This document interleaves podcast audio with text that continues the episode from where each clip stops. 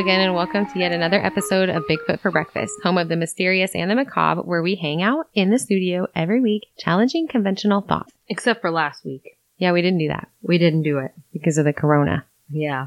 Sam was infected. I thought I was going to die. As usual, don't forget to push the subscribe button on whichever podcast platform you happen to be listening from and leave us a rating and a review so we know how you like the show. If you have any questions or comments for us, there are various ways you can reach us. You can email us at bigfootforbreakfast at outlook.com. You can send us a message on Facebook or you can even call us at 641-812-2635 and you can leave us a voicemail. If you choose to leave us a voicemail, we will even play it on our next show. Seriously though, leave us a friggin' voicemail. I know no one does. I'm getting kind of sad. Call me maybe. Go on, Carly Rae. It's been a crazy last few weeks everywhere in the world. Apparently, there's a pandemic going on out there. We've all been pretty ill this past few weeks here. Most of us are getting over it, but Sam here is trying to fight this off. So, have you been feeling, Samantha? I'm breathing and I'm alive. That's a step up from. And according to the CDC, I can go back to work now because Mm. I'm essential. Obviously, we hope that everyone's staying safe and doing what they're supposed to do in order to avoid becoming sick or making anyone else sick. And we hope that this passes quickly for everyone. Whether or not you think that this illness is being blown out of proportion or people are going crazy and making it worse than it really is, there's no doubt that many, many people have been greatly affected by this situation. There are people out of work for a while and lots of services and businesses have been unavailable to the public. A lot of babies are going without diapers because of all the hoarding going on, and that's extremely unfortunate. Stop it. Take what you need, and remember to leave behind some of these necessities for others who will be needing them as well. We all have to be considerate and diligent during times like these, and keep your wits about you, folks. Don't be senseless. Mind the tree, Richard. Name that nerdy show right now. Three, two, one. Not even nerdy. I mean, we don't think so, but You've got a point. people think that we're nerdy. Keeping up appearances. Uh-huh. Earlier, we mentioned leaving a rating and a review for us on Apple Podcasts or whichever podcast app that you use. We just want to say that we really appreciate these immensely and always, always appreciate any feedback that we receive. And we always take the negative with the positive gladly. Yeah, gladly. We're so happy about it. One thing that is often expressed to us is that some of you enjoy the little bit of banter that we usually have going on during the show. We can usually find a joke or a funny side to most of our subjects, and we tend to leave these bits of conversation in when we're editing the show just to kind of lighten the mood. But one negative comment that we've seen a couple of times come from the few episodes in which there really isn't much of that lighthearted banter, and we just want to take a second to explain that a little bit. Obviously, the show is partly scripted. We pick a topic and research many different sources in order to bring you a well-rounded version of the story with as much detail as possible. So a lot of the time we're reading to you something that we've written over the past week and intermittently we will interject with conversation that comes up over the course of the show. Once in a while we encounter a subject that is a bit more sensitive and we will intentionally try to leave out some of the joking and laughing out of respect for the people who are involved. The Johnny Gosch series, the episode on the missing Vallow children and the Travis Walton story are all examples of this. We've had a few negative reviews after these shows and we just wanted to explain that it was simply out of respect that we were merely sticking to the script and keeping the humor to a minimum. Sound right, Sam? Anything you want to add to that? No. You're gonna take that high road? Can I take that high road? Can I put that down? With that being said, if you would take a minute to follow us down this week's rabbit hole. It's a very twisty one. It is a very twisty one. Feeling pretty sick. like On feverish. the, on the surface, I look calm and ready. Got vomit on my shirt already. Mom spaghetti. Do you have a fever? No. Is the only the prescription. is more cowbell. I'm not trying to tell our age. Sarah's old. But You're right I behind me. I do remember a certain fictional movie that was somewhat popular when I was a kid that portrayed a version of this story, Michael Paré. I remember feeling astonished to learn that it was rumored to actually be a true story. Imagine being part of something that is largely unheard of through the world. Hello, welcome to this week's episode of Bigfoot for Breakfast. anyway, what are you talking about? imagine being part of something that's largely unheard of throughout the world. Because we're unheard of. Nobody knows who we are. Nobody gets my jokes. I didn't. That went right over my head for real. Someone's wearing a ramp on their forehead today. what? Well, I get it. I just have never heard that dad joke in my life. A breakthrough experiment that seemed almost magical. Something that's never been done and that most people never even thought was possible. The pride that would come from something like this would be immense. This is all true. But what if it went wrong? I'm struggling with a cough drop. I'm trying to swallow it. I wish I had a video of that face you just made Well, whilst swallowing the cough drop. you try swallowing those sons of bitches. I don't eat them. They're nasty. Seriously, I would hate you forever and I will never record another episode. you will. Yep, I quit. The You can't fire me. I'm Ranch Wilder. Name that movie. Ranch Wilder. Is that Van Wilder? No, it's Ranch Wilder. This should take you straight back to your childhood. Yeah, it's the baseball movie. Yeah, which one? Not not that one. Is that one? I don't think so. The rookie? Is it Rookie of the Year? Because I thought it was Rookie Angels in the the Outfield. Maybe it is Angels in the Outfield. Yeah, that. Yeah. Ranch Wilder. Yeah. Anywho, What seemed like a series of almost magical possibilities and breakthrough science turned straight into something from a nightmare. A horror story. Well, if the rumors are true, that is exactly what happened. Let us take you straight into the creepy story of the USS Eldridge and Project Rainbow, or what has come to famously be known as the Philadelphia experiment. Then you can decide what you believe to be true and separate your own fact from fiction. before we get into the bulk of it, I kind of want to acknowledge something about the story. The fact that there is so much back and forth about it, as in a large group of people claiming it to be true, and a whole lot of credible evidence on the side of many people claiming the incident had never happened. Despite the arguments, there are a couple of things that made me want to do this episode and lend the idea maybe even a little bit of credibility. Number one being witnesses. Actual witnesses to this event, which of course is super important. Number two being longevity. This incident with the USS Eldridge and her crew happened many years ago, and people are still talking about it to this day. I feel that there's got to be some truth behind a big story like this if it hasn't died off over time. But I digress. Today, we are here to present you with what information is out there on both sides of the argumentative spectrum and give you the creepy and absolutely horrific details and let you decide for yourself what took place that day. Here we go. Here we go.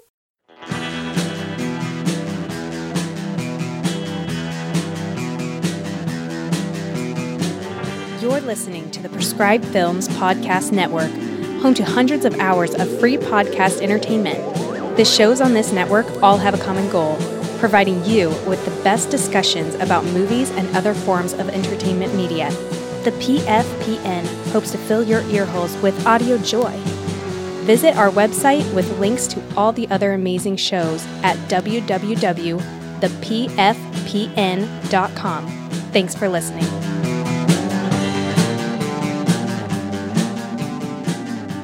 As we mentioned previously, the entire story centers around one ship, a destroyer escort actually called the USS Eldridge. She was christened the Eldridge after a hero by the name of Lieutenant Commander John Eldridge Jr., a naval aviator from Buckingham County, Virginia, who was killed in action in the Solomon Islands on November 2nd of 1942. For the record, we read that Lieutenant Commander Eldridge had led the air attack against the Japanese into the Solomon Islands earlier that year in August and was awarded the Navy Cross after his death. So, obviously, he was a pretty big deal. During World War II, the U.S. was trying to come up with all kinds of things to protect themselves and to get a step ahead of the newly developed German U boats that they were facing. At the time, the United States had warships to protect the convoys that we had used to carry people and supplies to Britain. These warships were big and slow and they turned very widely. They weren't really a good match for the U boats because they were really easy for them to spot and they couldn't get out of the way fast enough once they were detected and they were easily fired upon. It makes me think of that scene in Austin Powers where the No! Yeah, where the steamroller is coming so slowly. He could easily get out of the way. Yeah. One time Sam was riding a horse and it reminded me of that exact same situation as well. She was really far away from this tree and the horse was walking toward the tree. She was like, what do I do? What do I do? And we were like, get off the horse or turn the horse. Slowly the horse walked toward the tree. Clippity clop, clippity clop. It really wasn't that dramatic. It wasn't dramatic. That's what's so funny about it. It was the most slow motion thing that I've ever seen. We had like a whole conversation during this time when this horse was No. walking toward the tree. I'm pretty sure you're not remembering that correctly. a low hanging branch swept Sam slowly off the back of the horse onto the ground. No. The US and our allies needed something better, more maneuverable, because frankly, the U boats were sinking American and allied ships constantly and they were kicking our butts. So the destroyer escort was created. This was an anti submarine vessel that was more maneuverable. This was great, but the military wanted to step it up a notch. What better way to do that than to develop technology that would also render the ship invisible? Right? I like where they're going with this. It sounds good in theory anyway. On October 28, 1943, rumor has it that classified experimentation into this theory was to occur. It was to result in the rendering of the vessel invisible. Yes, I said invisible. Not only to radar that was used by her enemies to detect her, but to the naked eye as well. Although it was a classified situation, the event was said to have taken place right in front of hundreds of onlookers. It isn't as though humanity hasn't been extremely fascinated with the idea of invisibility, um, always. The idea appears everywhere throughout our culture and in many others, in stories and in Hollywood. There's no way that the military, given the fact that they have been known to experiment with other crazy things, has never had any interest in being able to hide themselves from our enemies at war with complete invisibility. A very accomplished and respected astronomer named Morris K. Jessup ended up being kind of an unwilling participant in this story. Before we delve into his involvement, let's talk about him as a person for a minute and give you a little background on who he was. He was born in 1900 in Rockville, Indiana. He was referred to as Dr. Jessup, although he never actually finished his PhD. Despite this, he went on to be involved in some pretty amazing things. Something cool that he was a part of was the development of the Lamont Hussey Observatory in South Africa. This observatory housed the largest refracting telescope in the southern hemisphere.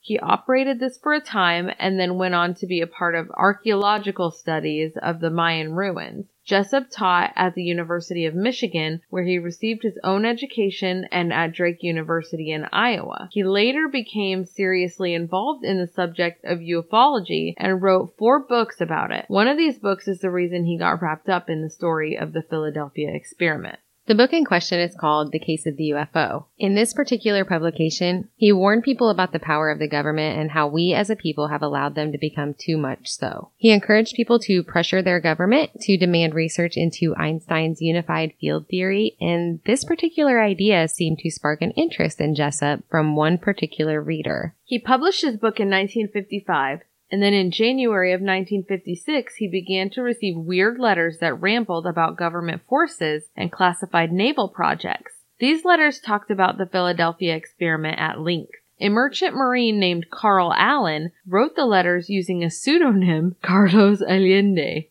Pretty clever there, huh? Saraha? That would be my Honza. pseudonym. Honzai? Honzaje. What would mine be? Same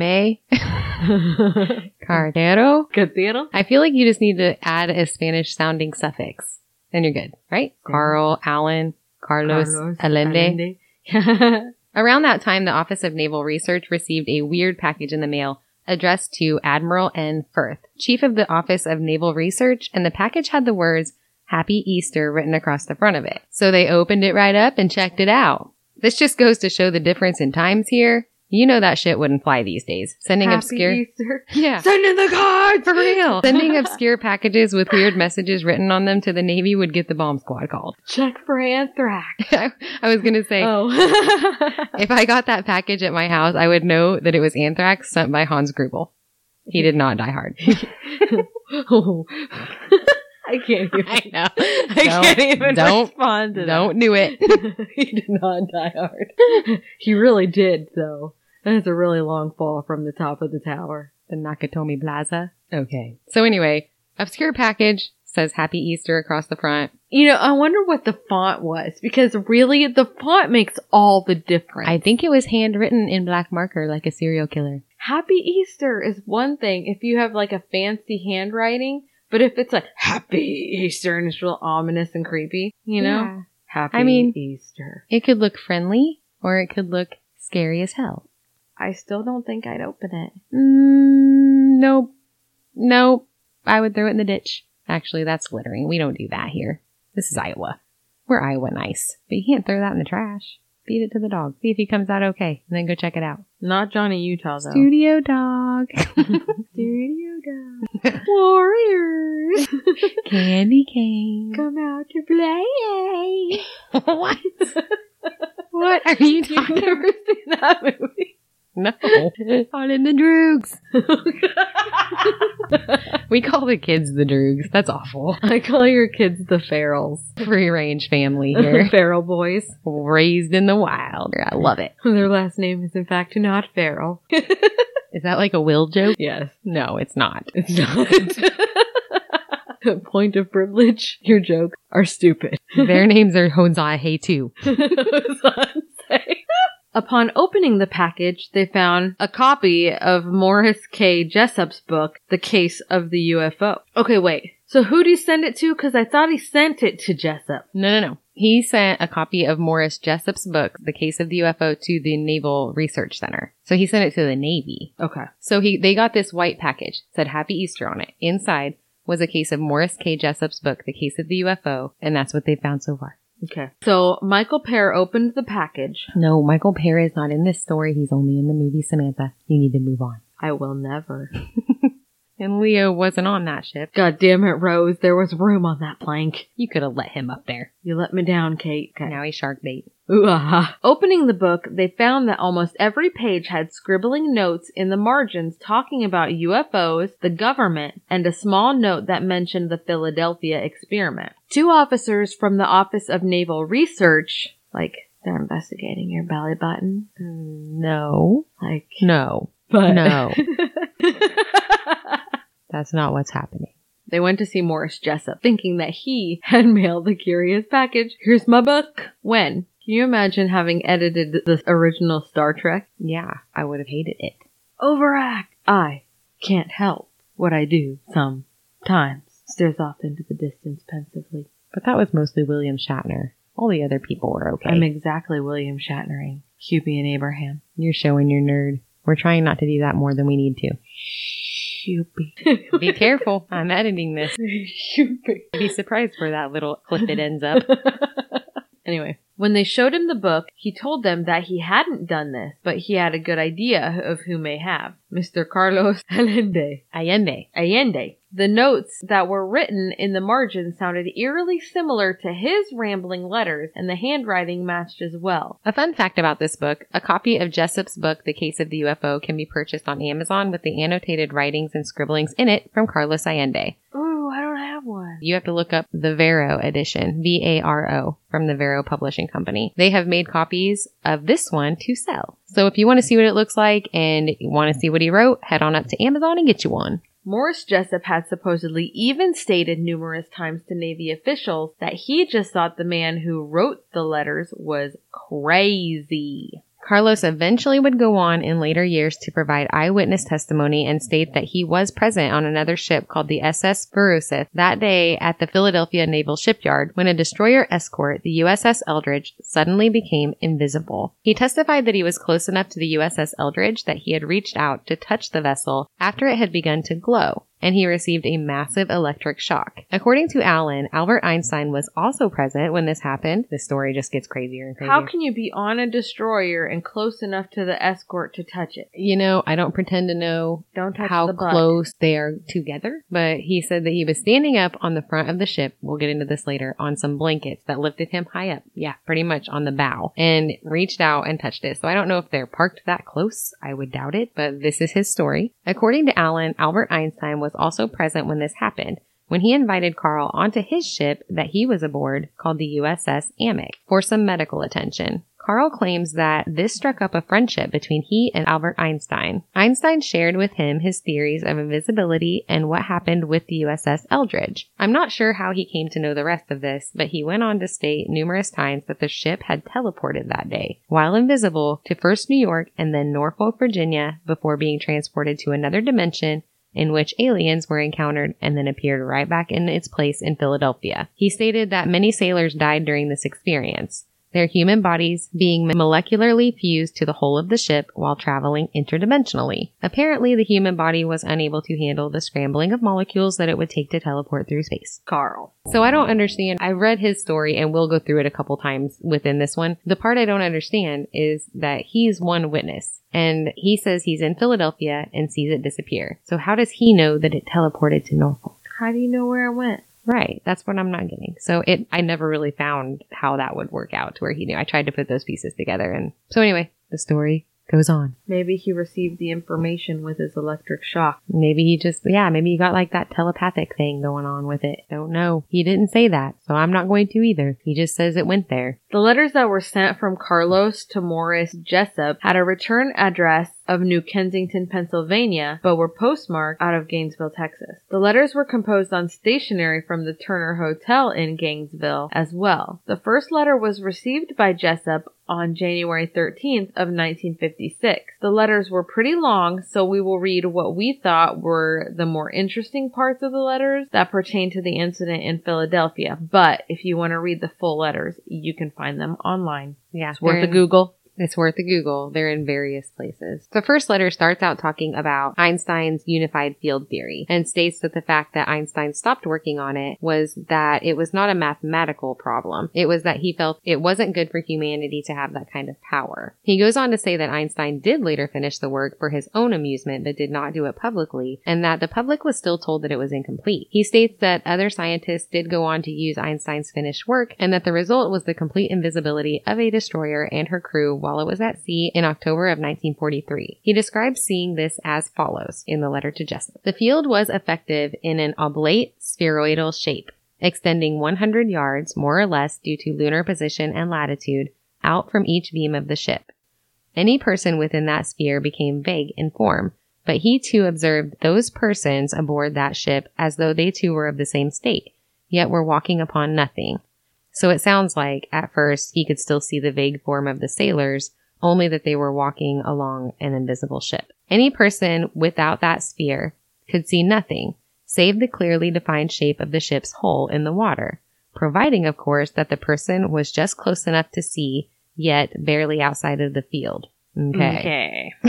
He goes on to describe what happened to the crew that was left after the incident and how they went mad and sometimes, quote, go blank or go blank and get stuck. He talks about the men who go blank first, which sounds like they're going on with their daily life and then kind of blink out periodically into mindless stares. He states that this is not an unpleasant experience at all, but when they do go blank and get stuck, it is described as, quote, hell incorporated.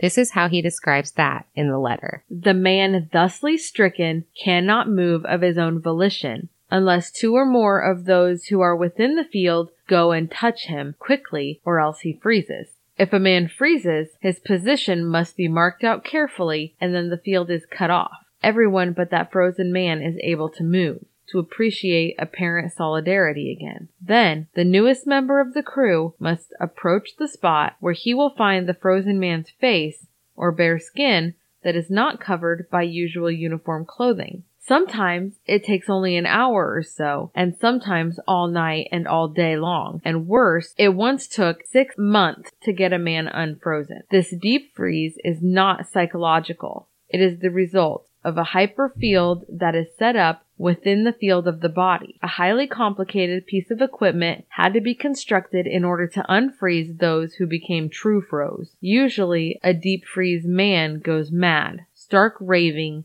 gibbering, running mad. So it's hard Wait, to, hold on. What? right? It's really hard to make sense of his letters sometimes. I don't know. He goes on to state that these frozen men aren't aware of time as we are.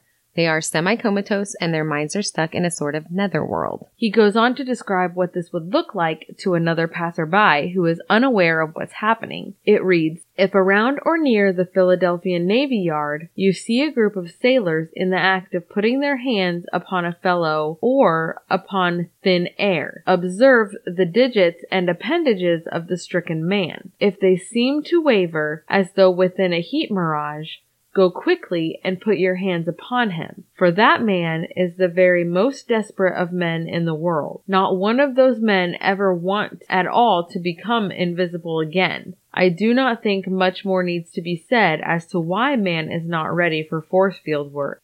So, what?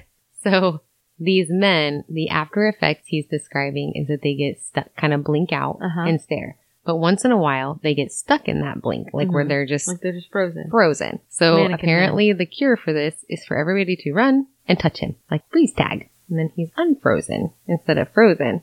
And sometimes it takes a really long time and they get stuck there and their heads are in another world, like their minds aren't really there and time isn't moving right. Sometimes they get unfrozen, sometimes they don't. So if you see a bunch of sailors touching a guy, you should go touch him too and it'll help. So that's that. I'm pretty sure I want to stay away from the groups of sailors touching each other. No offense, sailors. He goes on to talk about other work with force field type experiments and how humans were changed or perished after this work. He says that when you hear terms like caught in the flow or caught in the push, stuck in the green, or stuck in molasses, these refer to some of the long-term effects of such work. He ends the letter, very disrespectfully yours, Carl M. Allen. And with a PS, I will help more if you see where I can. And then he wrote his sailor ID number 416175 on the bottom. A check of this ID number pulls up a certificate of seaman's service issued to a Carl Meredith Allen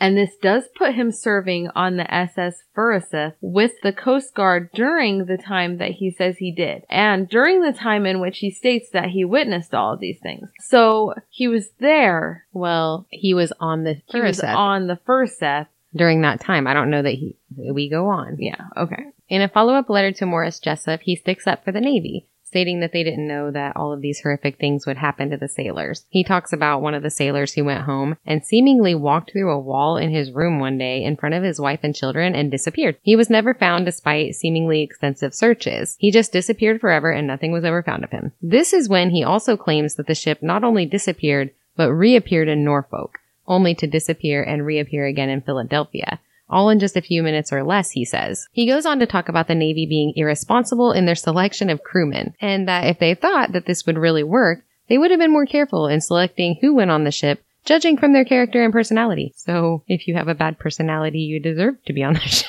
is what he's saying. Is he saying that, or is he saying that they could have handled it better if they'd have done more elaborate personality profiles?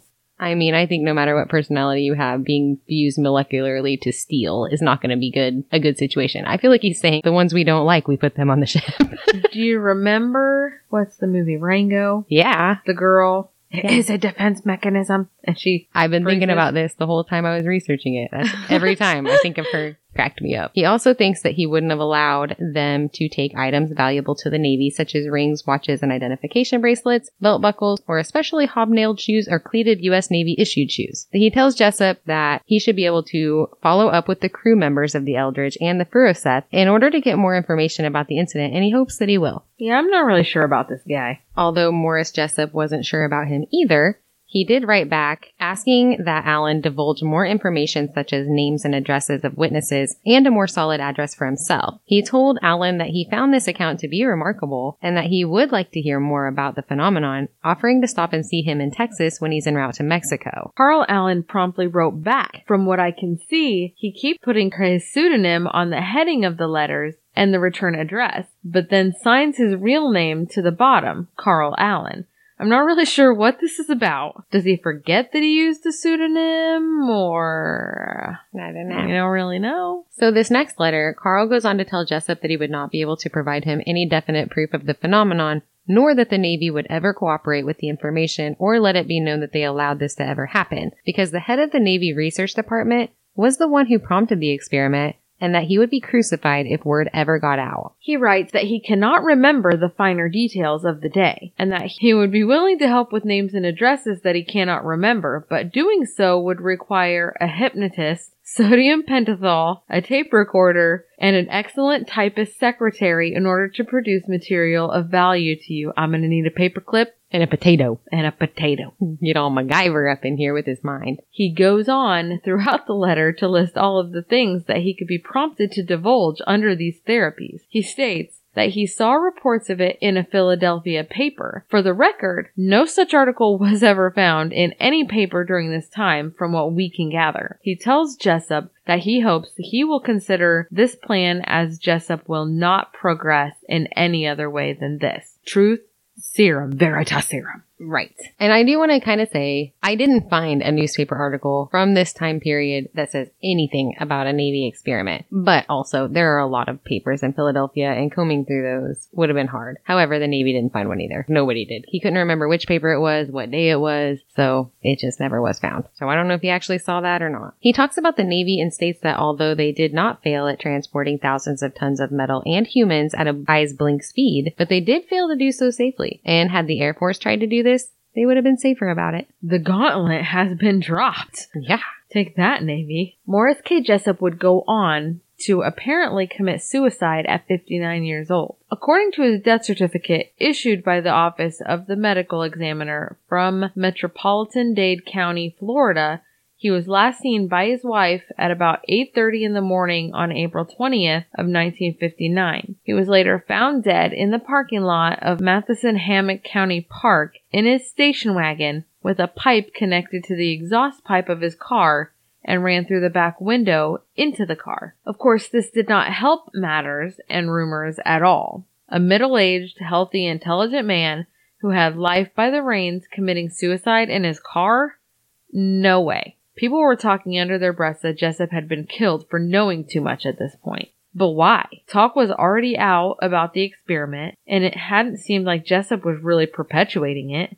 He had called Carl Allen a crackpot on more than one occasion. So why would they Epstein Jessup and not Allen? Well, they couldn't find Allen. We'll get to that. Okay. Because they look for him later and he kind of just goes under the radar. Think he was just smart? I don't or know. Was he cray? There's more to this, even. It just keeps going. That's why I called it a rabbit hole, because it is.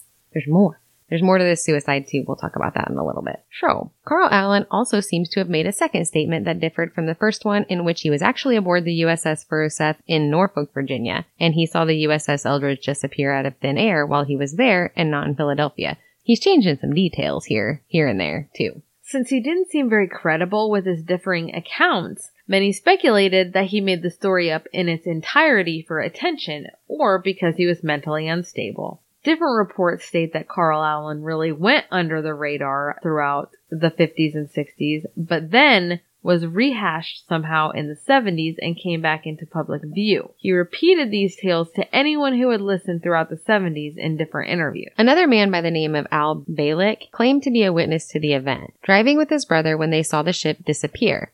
Not only this, but they themselves were transported through time into the year 2137 and were stuck there for two years before being transported to 1983, which is obviously still the wrong time. He wrote two books about this, but was largely dismissed as crazy. Bielek was interviewed on History's Mysteries. It's a TV show. It's a rhyme. Haven't you seen it? History's Mysteries. I love it. It's good. Why have I not seen History's Mysteries? I don't know. It's pretty. It's a pretty good show. Watch it. Okay. so anyway, it's stated here that he helped work on the project in a scientific capacity. He stated that in the days leading up to the actual field test for the project, many of the team members expressed a lot of concern that they felt that this was going to go horribly wrong, you don't say. Mm-hmm. What could happen? The experiment happened nonetheless, and the Navy put a minimal amount of people on the boat to man the ship and no more. I'm sitting here thinking, if you were going to run an experiment where you made something invisible and teleported it, wouldn't you start with like a smaller object and not people? I would take my coffee cup and be like, hey, let's How see if we, we can move this to didn't? the kitchen. I guess I don't. And then it all went awry when they added the people. But wouldn't you have started with like mice? Like a one person even. Take one of the bad personality guys, like he Right. said. be like, scrape the bottom of the Navy barrel. Angry Bob, get in there. God damn it. Why did I just say I don't know. The Air Force could have done it better? yeah. You heard it here first, folks. Okay. Cyril, moving on. According to witnesses, the USS Eldridge became slowly engulfed in kind of a green fog. So Bielek is saying what he saw, and this is in comparison to what Carl Allen saw. This is later referred to as electronic fog. The ship itself was glowing as well. This goes on for some time, and then suddenly the entire ship just blinks out of sight. It disappears. And so does Michael Paré. A huge flash of light happens on the water, and then bam, there Bam. it is. Bam. You have to say it right. Bam. I think it's more like a bam. Back again in the same spot at, At the, the pier. pair. Back in the water where it was before. And then just as quickly, it disappears again. At this time, the ship does not immediately come back, but it reappears in Norfolk, Virginia for a few minutes before disappearing again. So we got another guy that's How do saying, they know? I don't know. I'm, How do they know? I don't know. It, it'll never stop. You won't stop questioning it. Just don't drive yourself crazy. How do you know? If you're still around, tell us. We're genuinely curious. Reappears in Norfolk, Virginia for a few minutes before disappearing again, only to reappear in the same test spot in which it started in Philadelphia. The ship looks fine. The experiment seems like a total success. Imagine how incredibly exciting this would be. Not only for what it can do in the war, but because this feat completely goes against everything we know as being physically possible.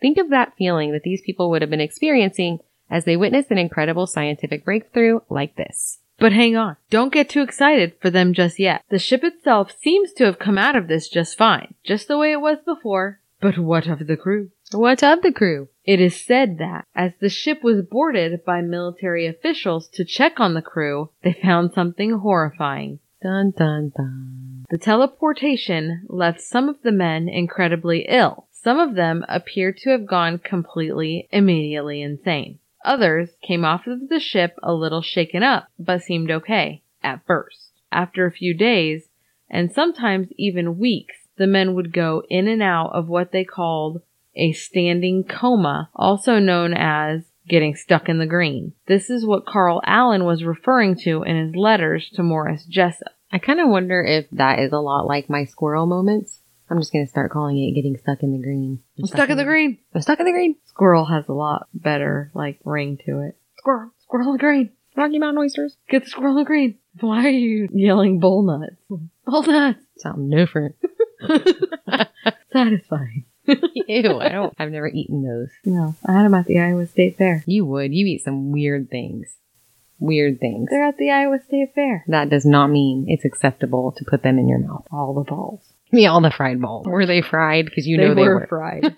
they were fried. They will fry up I dipped anything. them in like garlic mayonnaise or something. they probably fry up the rocks. Here's some state fair fried rocks. That's a beautiful idea. I love the state fair. I'm not talking crap. We literally have like a pretty kick ass fair. But Um, we're not we talking about that today. Ew, they do fry butter. And bubble gum. It's odd. It's odd. Mm. Iowa. The Midwest. I think it's all of us. Oh, Hope. People fry up pickles and dip them in ranch, which I think is odd it's too. delicious. It's not that It's good. delicious. Mm-mm. Oh, I dropped the butter in the fryer. Let's eat it. Let's eat it. Hope. Give her a shot. Oh, Hope I dropped my bubble gum in there too. Let's eat it. Oh, Remember when you put your hand in the fryer? I'm just gonna squeeze right by you. Lucky that didn't end up a state fair food.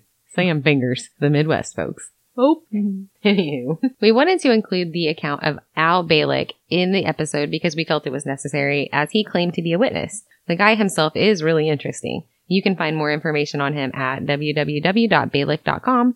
That's B-I-E-L-E-K. He seems to have been a participant in a whole bunch of military secret crusades throughout his life. We are not going to dive too much further into who he was, though he will be mentioned and come up in a future episode in more depth. Another weird story was that after what was left of the sailors returned home, two of them got into a bar fight following the incident. There is a supposed newspaper article that floats around the internet, and copies of it can be seen on various sites. The sailors were in the middle of the fight and just disappeared into thin air, right in front of everyone. The article is dated October 1943, so this would have been directly after the alleged Philadelphia experiment. The heading reads, Strange Circumstances Surround Tavern Brawl. And here's what the article says. Several city police officers responding to a call to aid members of the Navy Shore Patrol in breaking up a tavern brawl near the U.S. Navy docks here last night got something of a surprise when they arrived on the scene to find a place empty of customers.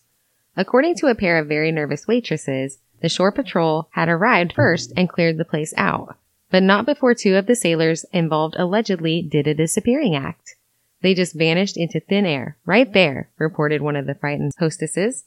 And I ain't been drinking either. At that point, according to her account, the shore patrol proceeded to hustle everyone out of the place in short order. A subsequent chat with the local police precinct left no doubts as to the fact that some sort of general brawl had indeed occurred in the vicinity of the dockyards at about 11 o'clock last night. But neither confirmation or denial of the stranger aspects of the story could be immediately obtained. One reported witness succinctly sums up the affair by dismissing it as nothing more than a lot of hooey from them daffy dames down there, who, he went on to say, were just looking for some free publicity. Damage to the tavern was estimated to be in the vicinity of $600. Although, what looks like a clipping of this article is floating around, it's impossible to say who wrote it or what paper it came from. So it's literally just a clipping. You know how like at the top it says where it, it's just the clipping out of the middle of the paper. So it doesn't say any of that stuff. Wrong. It wasn't helpful in that aspect. Some of the sailors disappeared completely and were never found, but the worst thing was that some of the sailors had been killed. Bielek too said that their bodies had been molecularly fused to the hull of the ship. According to Al Bielek, the families of these men were told that they were lost at sea, and no more, even though the ones who did not pass away or disappear during the experiment were actually sent to insane asylums and their families just weren't told. If that's not incredibly sad. The nerve damage and other issues were thought to have been caused by the tremendous amount of electromagnetic field that these men were exposed to. Apparently, there were two of these experiments. The second one is the one that is mostly referred to. In the first test on July 22nd, the vessel vanished and then quickly reappeared, in this instance in the same place. So it seems logical that since the first one seemed to be successful, why would the Navy not push the envelope a bit further, making the vessel actually travel while it was invisible? That's science, right? So I know the the experiment was for making it invisible, but it was the teleportation that like where did that come from? Okay, so later on we'll talk about this too, but we're kind of out of order here. So the first experiment made it invisible, Then that was successful. So apparently the rumor is that Einstein was hired, but he wanted to also study jet propulsion theory and teleportation theory. So he's like, well, if that worked, why can't we make the ship jump to a different location Mhm. and elude U-boats altogether? And so then they pushed it further. And it sounds like the sailors made it through the invisible part and it was the scrambling of molecules to teleport it. That was the bad part.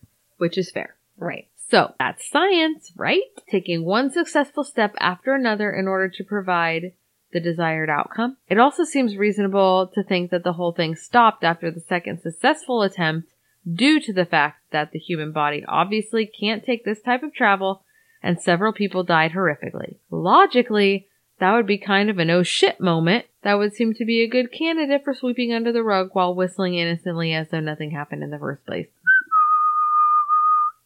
According to the Navy, it never happened.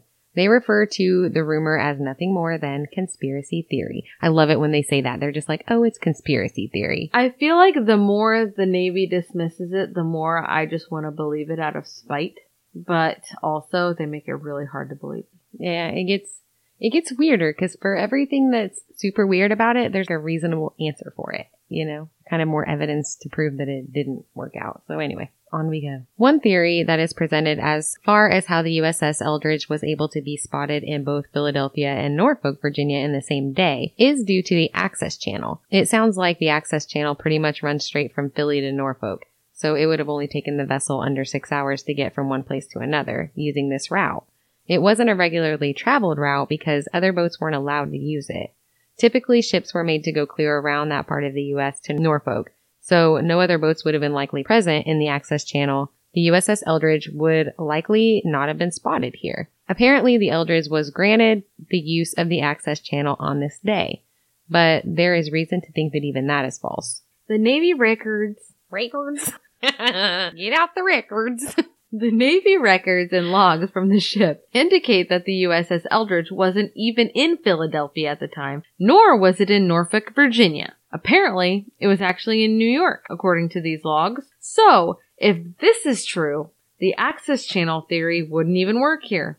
In fact, the entire logs throughout the surface of the USS Eldridge put the ship having never been to Philadelphia ever. So, they also never put the USS Eldridge and the USS Furuseth in the same place at any time throughout their service. And the government nor the military would ever alter documents to hide their actual activities, right? Right. Right? In the Naval Historical Center archives, there are documents related to the alleged Philadelphia experiment. They state that the operational archives reviewed the war diary and the deck logs for the USS Eldridge when looking into this matter. The logs state that from August 27, 1943 to December of 1943, The ship was actually in the Naval Yard in New York and the Long Island Sound.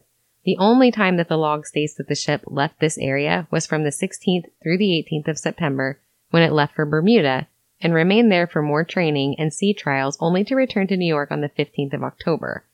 It left once more on November 1st to serve as part of an escort for a convoy to Norfolk, Virginia, and then on to Casablanca where it arrived on November 22nd.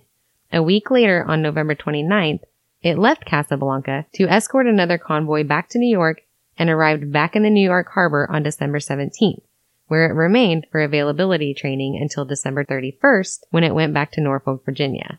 The record here states that during this time frame, Eldridge was never in Philadelphia. So it specifically says it was never in Philadelphia. I was not here. At the bottom, there's a note like somebody had gone over it Oh. and then sent it to someone showing that they weren't there. And then at the bottom, they made it very clear it wasn't there.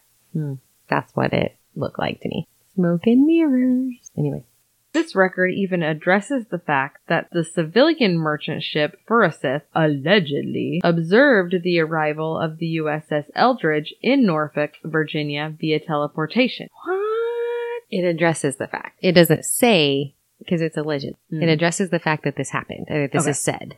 It then goes through all of the places that the Furuseth had been according to its war diary during this time frame as well. They spoke with the master of the Furuseth, Lieutenant Junior Grade William S. Dodge, USNR, who wrote a letter to the Navy stating that he denies that he or his crew observed any unusual event while in Norfolk. I think that's what I would say too. I saw nothing. I didn't see it. I didn't see nothing. I ain't seen it. This record goes on to state that the Office of Naval Research or the ONR has stated that the use of force fields to make a ship and the crew invisible does not conform to any known physical law and that Einstein's unified fields theory had never been completed. Further, Einstein was never involved in any research related to teleportation or invisibility. refuse to believe that. Remember Carl Allen's story about meeting Albert Einstein after being shocked by the electronic fog? He's just When you say saying it out loud. He's just saying that is hard.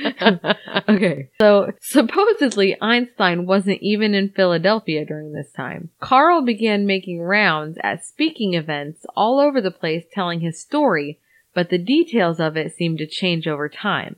At one point, he claimed that while he was a student of Albert Einstein, he met another famous scientist by the name of Charles Proteus Steinmetz. That would have been really great, except for the fact that Steinmetz would have passed away almost two years before Carl Allen was even born. All of this being said, it doesn't really seem like Carl Allen was the most credible of people. Even if the base of his story was real, he sensationalized and embellished it so much that anyone who listened to him to begin with quickly lost faith in him and saw through the tale.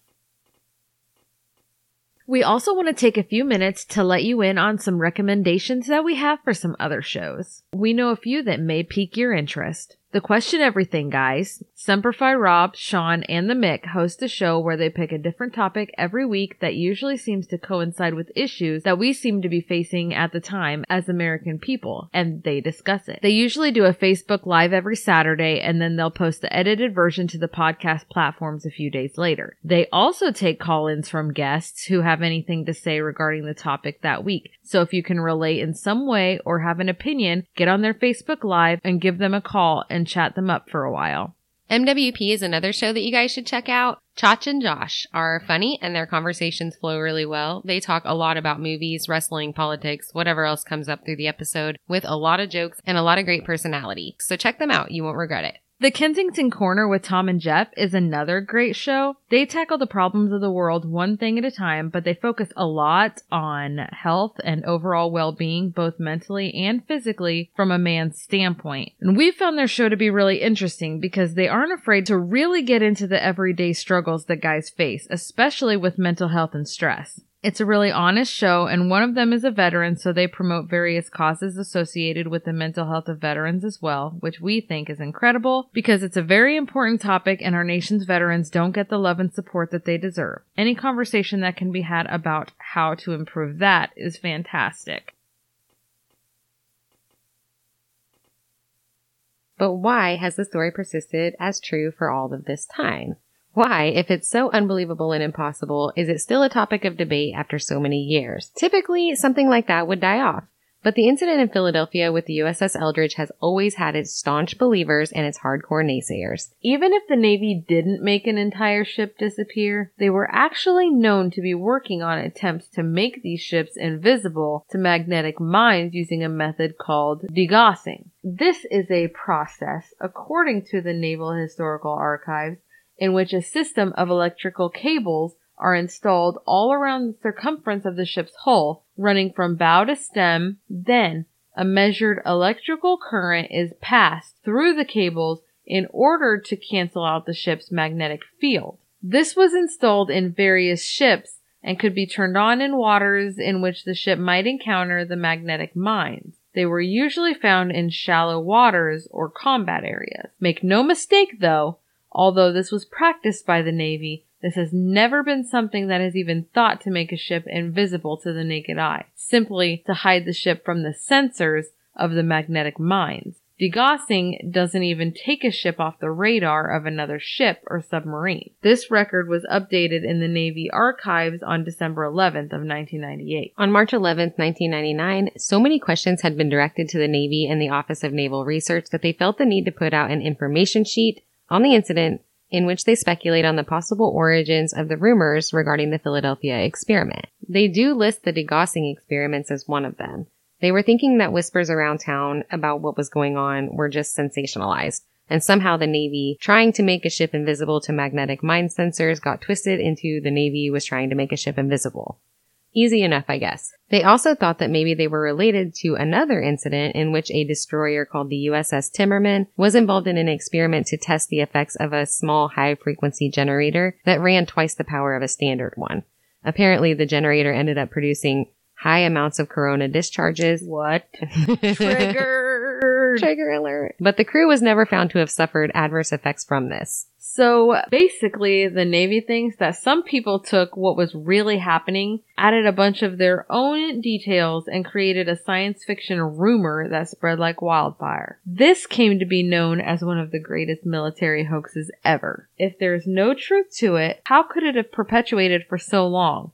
We see tons of outlandish stories come and go quickly because there's never any basis behind it. So why would this one have stood the test of time like this without so much as a grain of truth. The fact that the military has been conducting weird and mysterious experiments and projects throughout history is not new news, nor is it fake news. It's proven. The release of FBI, CIA, and military documents in recent years has proven much of what we used to refer to as conspiracy theory to be absolutely fact. So it doesn't seem unreasonable to believe that this one, or at least parts of it, might be true. Either that or the public has made movies, written books, and passed along stories that consist of nothing but the rantings of the possibly insane for decades and decades. Which, I guess, doesn't sound that unreasonable either, now that I say it out loud, but who knows? What do you think? A world renowned magician named Joseph Dunninger was consulted by the Navy on the idea of illusion in order to trick enemies into not seeing American ships right in front of them. Did the rumor start with that? What's over there? So they actually were at least interested in being invisible. There were also some other things going on in relation to the Manhattan Project right there in Philadelphia Naval Shipyard.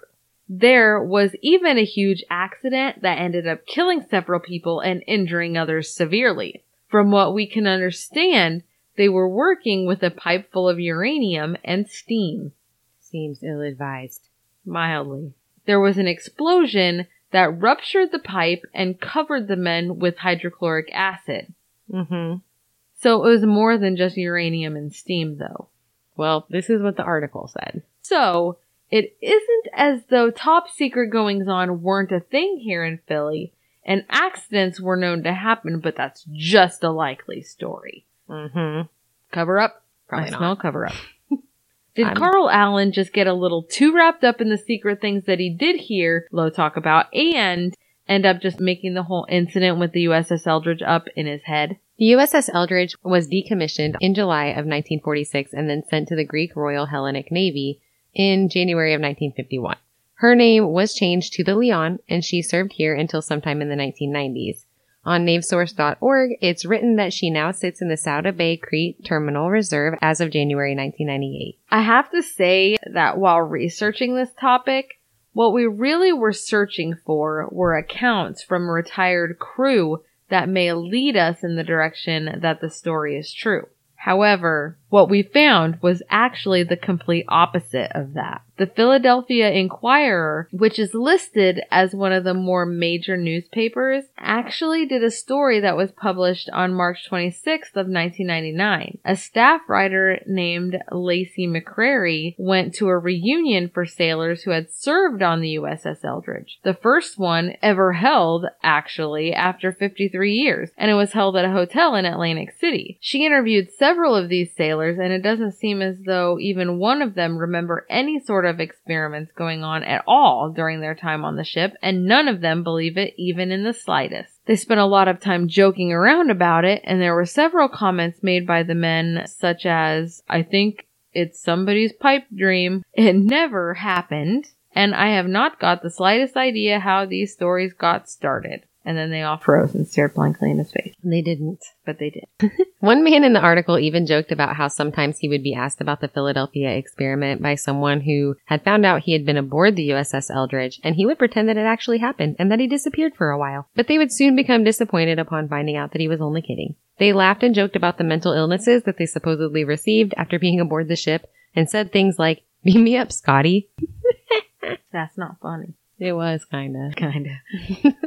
Some of the men even said that they were getting kind of tired of being asked about it, telling people it's a good movie, but there's no truth to it. Damn. Another man even laughed and said that the only part of the movie that's true is that the crew is a little crazy. The writer had even contacted the daughter of Edward J. Tempany, a man who was assigned to the USS Eldridge from the day that it was commissioned to the day of her decommission. A quote from her was included in the article and it read, My dad was a no nonsense guy.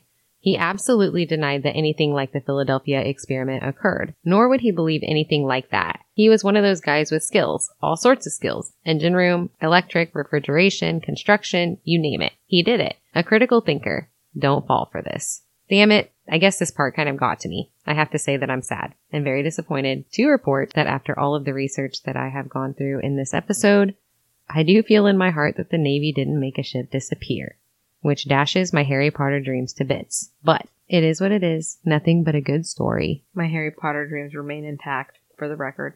Mine are sad right now. Tack. According to the Philadelphia Experiment colon Project Invisibility, a book written by William Moore and Charles Berlitz, it is said that in the late 60s, Carl Allen was kind of laying low and eluding the Navy and their questions into this account. This is supported by various other sources as well who seem to think that Carl Allen was very difficult to find through the 60s and into the 70s. What really sent him into hiding and probably into Mexico He did go to Mexico. where he changed his name and lived a portion of his life, was a book written by author Brad Steiger entitled The Allende Letters New UFO Breakthrough that appeared on shelves in 1968. Carl had unsuccessfully tried to suppress this information from appearing in Steiger's book and was upset when it was published. It is said that he was mad that other people were receiving publicity and payment from his story while he was making nothing at all. The next year, he walked into the Aerial Phenomena Research Organization headquarters in Tucson, Arizona, and told them that the whole thing was a made up hoax and he didn't mean any of it to be true. He just wanted to scare Jessup into not writing anymore. He wrote out a confession in the appendix of a copy of Jessup's book that read, All words, phrases, and sentences underlined on the following pages in brown ink are false. The below page and the top part of the following were and are the craziest pack of lies I ever wrote. Object to encourage ONR research and to discourage Professor Morris K. Jessup from going further with investigations possibly leading to actual research. Then I feared invisibility and force field research. I don't now. This confession is argued two ways. One group thinks that he just confessed to what really was a big ol' lie. Another group thinks that he only did this out of anger due to other people using his story and by discrediting himself, he would discredit them. It's hard to say. According to his obituary, Carl Allen died on March 5th, 1994 at the Centennial Healthcare Center in Greeley, Colorado. It says that he served as a United States Marine during World War II and then for a time in the Merchant Marine. After this, he lived throughout the United States and Mexico, eventually settling in Greeley, Colorado in 1986 to live out the rest of his life. Although after his admission in writing that he had made up the whole story, he had sort of fallen off the radar for a decade or so, and he did seem to go back to telling the story as he originally had, after his confession had served its purpose of discrediting those who he didn't want telling his story for their own gain. Did he continue going by Carlos though? He did. Eventually, he just kind of signed all documents, Carlos Allende. By the end of his life, people knew him as Carlos, not Carl. So it seems like after he came back from Mexico. The same year that Carl moved to Colorado, he was interviewed by a man named Jim Frazier for the local newspaper in Greeley called the News of Colorado Centennial County regarding the incident in Philadelphia.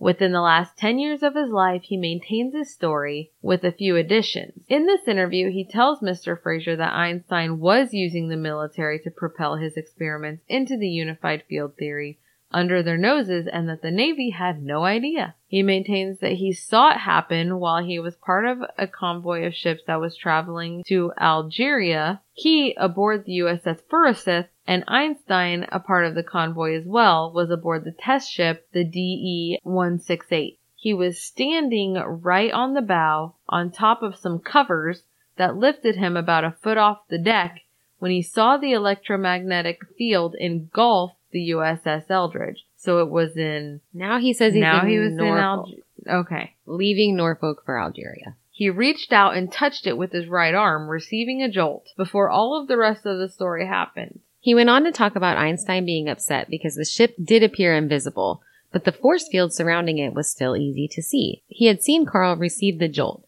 and he approached him, wanting to know what it felt like inside the force field. They became friends, and Carl went on to say that he spent some time with Albert Einstein in the following weeks, learning from him and becoming his confidant of sorts. This is how he says he knows that Einstein and his team were using the Navy for their research. The Navy had initially hired Einstein for research into degaussing and possibly invisibility, but Einstein wanted to take it a step further, using invisibility as a precursor for his work into jet propulsion and traveling at the speed of light. In this interview, he talks about his time with Steinmetz, who, as we said earlier, had died prior to Carl's birth. He speaks of the United States government stating that he is not afraid of them, not at all. Quote, they have given me some of the best protection I have ever seen. They have guarded my life. The U.S. has done a wonderful job and I compliment them for such beautiful protection all this time. You see, my dream is the same as NASA's. My dream is for the United States to travel to the stars.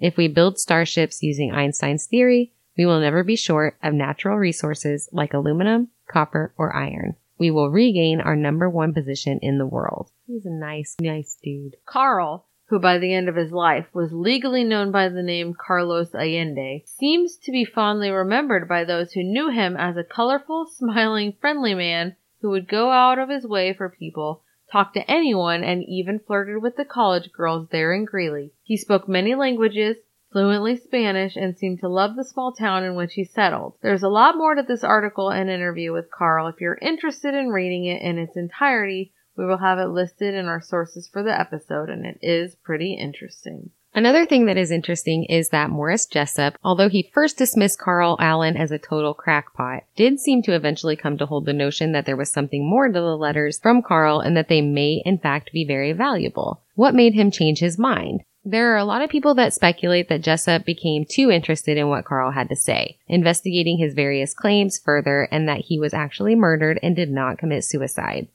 According to an article for the Des Moines Register, the city in which he once taught at Drake University, he was also said to have been working on a new book regarding the Philadelphia experiment. No suicide note was found with his body, and no autopsy was ever performed on Morris Jessup, due to the fact that he wished his body to be donated to science. In the event of his passing, as it seems that he had handwritten a letter on stationery from the Hotel Ermy in Miami to the University of Miami's Department of Anatomy that was included with his will. This letter reads, I am requesting that this note be forwarded to you after my death as notification of death and availability of my body.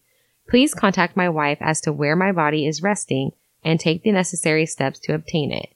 I do not desire any funeral services and prefer that the body be in your possession before relatives have an opportunity to hold a wake. Thanks for your cooperation, M.K. Jessup. So do you think that Carlos could have killed Jessup because he wanted him to stop writing? I don't think so. But he specifically said that. Yeah, but then he went on to tell his story as normal. I think he actually was mad about Brad Steiger writing that book. He ended his life as a pe- penniless veteran. And he was kind of disgruntled about that because in his mind, he had been through a lot and he had this big story to tell. And all these people were using it without his permission and profiting a whole bunch from it. I mean, I see his perspective. I do too. And even if the things he said were not true, I do see that happening where he went Yeah. in and said, it's all a lie, discredit them. And then later on, after he accomplished that, just went on to tell the story as normal. That's what I think. This is interesting and all, but it has been a law in most states, including Florida, that the body of anyone who is thought to be the victim of suicide is unattended at the time of death by practicing physician or other recognized practitioner or to have died by any suspicious or unusual circumstances, no matter what their wishes were in life, they must undergo an autopsy. This is brought up a lot and in many sources. The issue is, was it a law in 1959 when he died? That seems to be the determining factor for whether or not it is suspicious that an autopsy was not conducted. While there are a lot of rumors and speculation screaming conspiracy theory and death by government in Morris Jessup's death, there is also a lot of people who make statements regarding his mindset and character in the times leading up to his death that would make a person think that he might have been a likely candidate for suicide. He had apparently mailed a long and depressing letter to his friend in New York the week prior to his death, who outright called it a suicide note.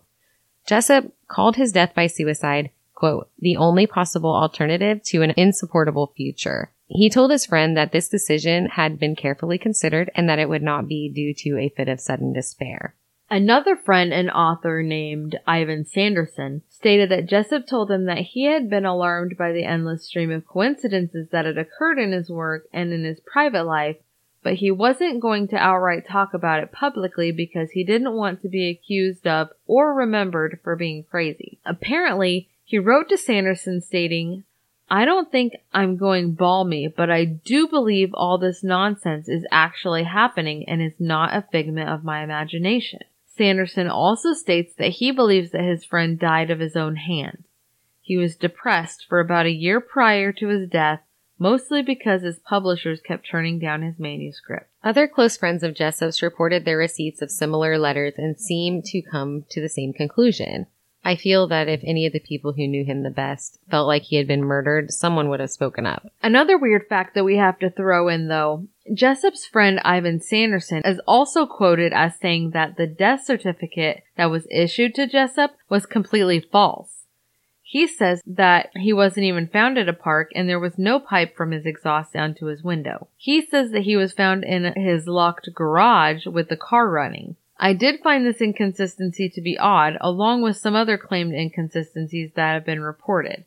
Keep in mind, though, we could find no definitive sources for the following inconsistencies, so we aren't sure whether they're true or simply rumor. Number one, the cloths and rags stuffed into the back window were wet, causing more of a tight air seal, but no sources of water were found to wet the clothes and rags at the scene.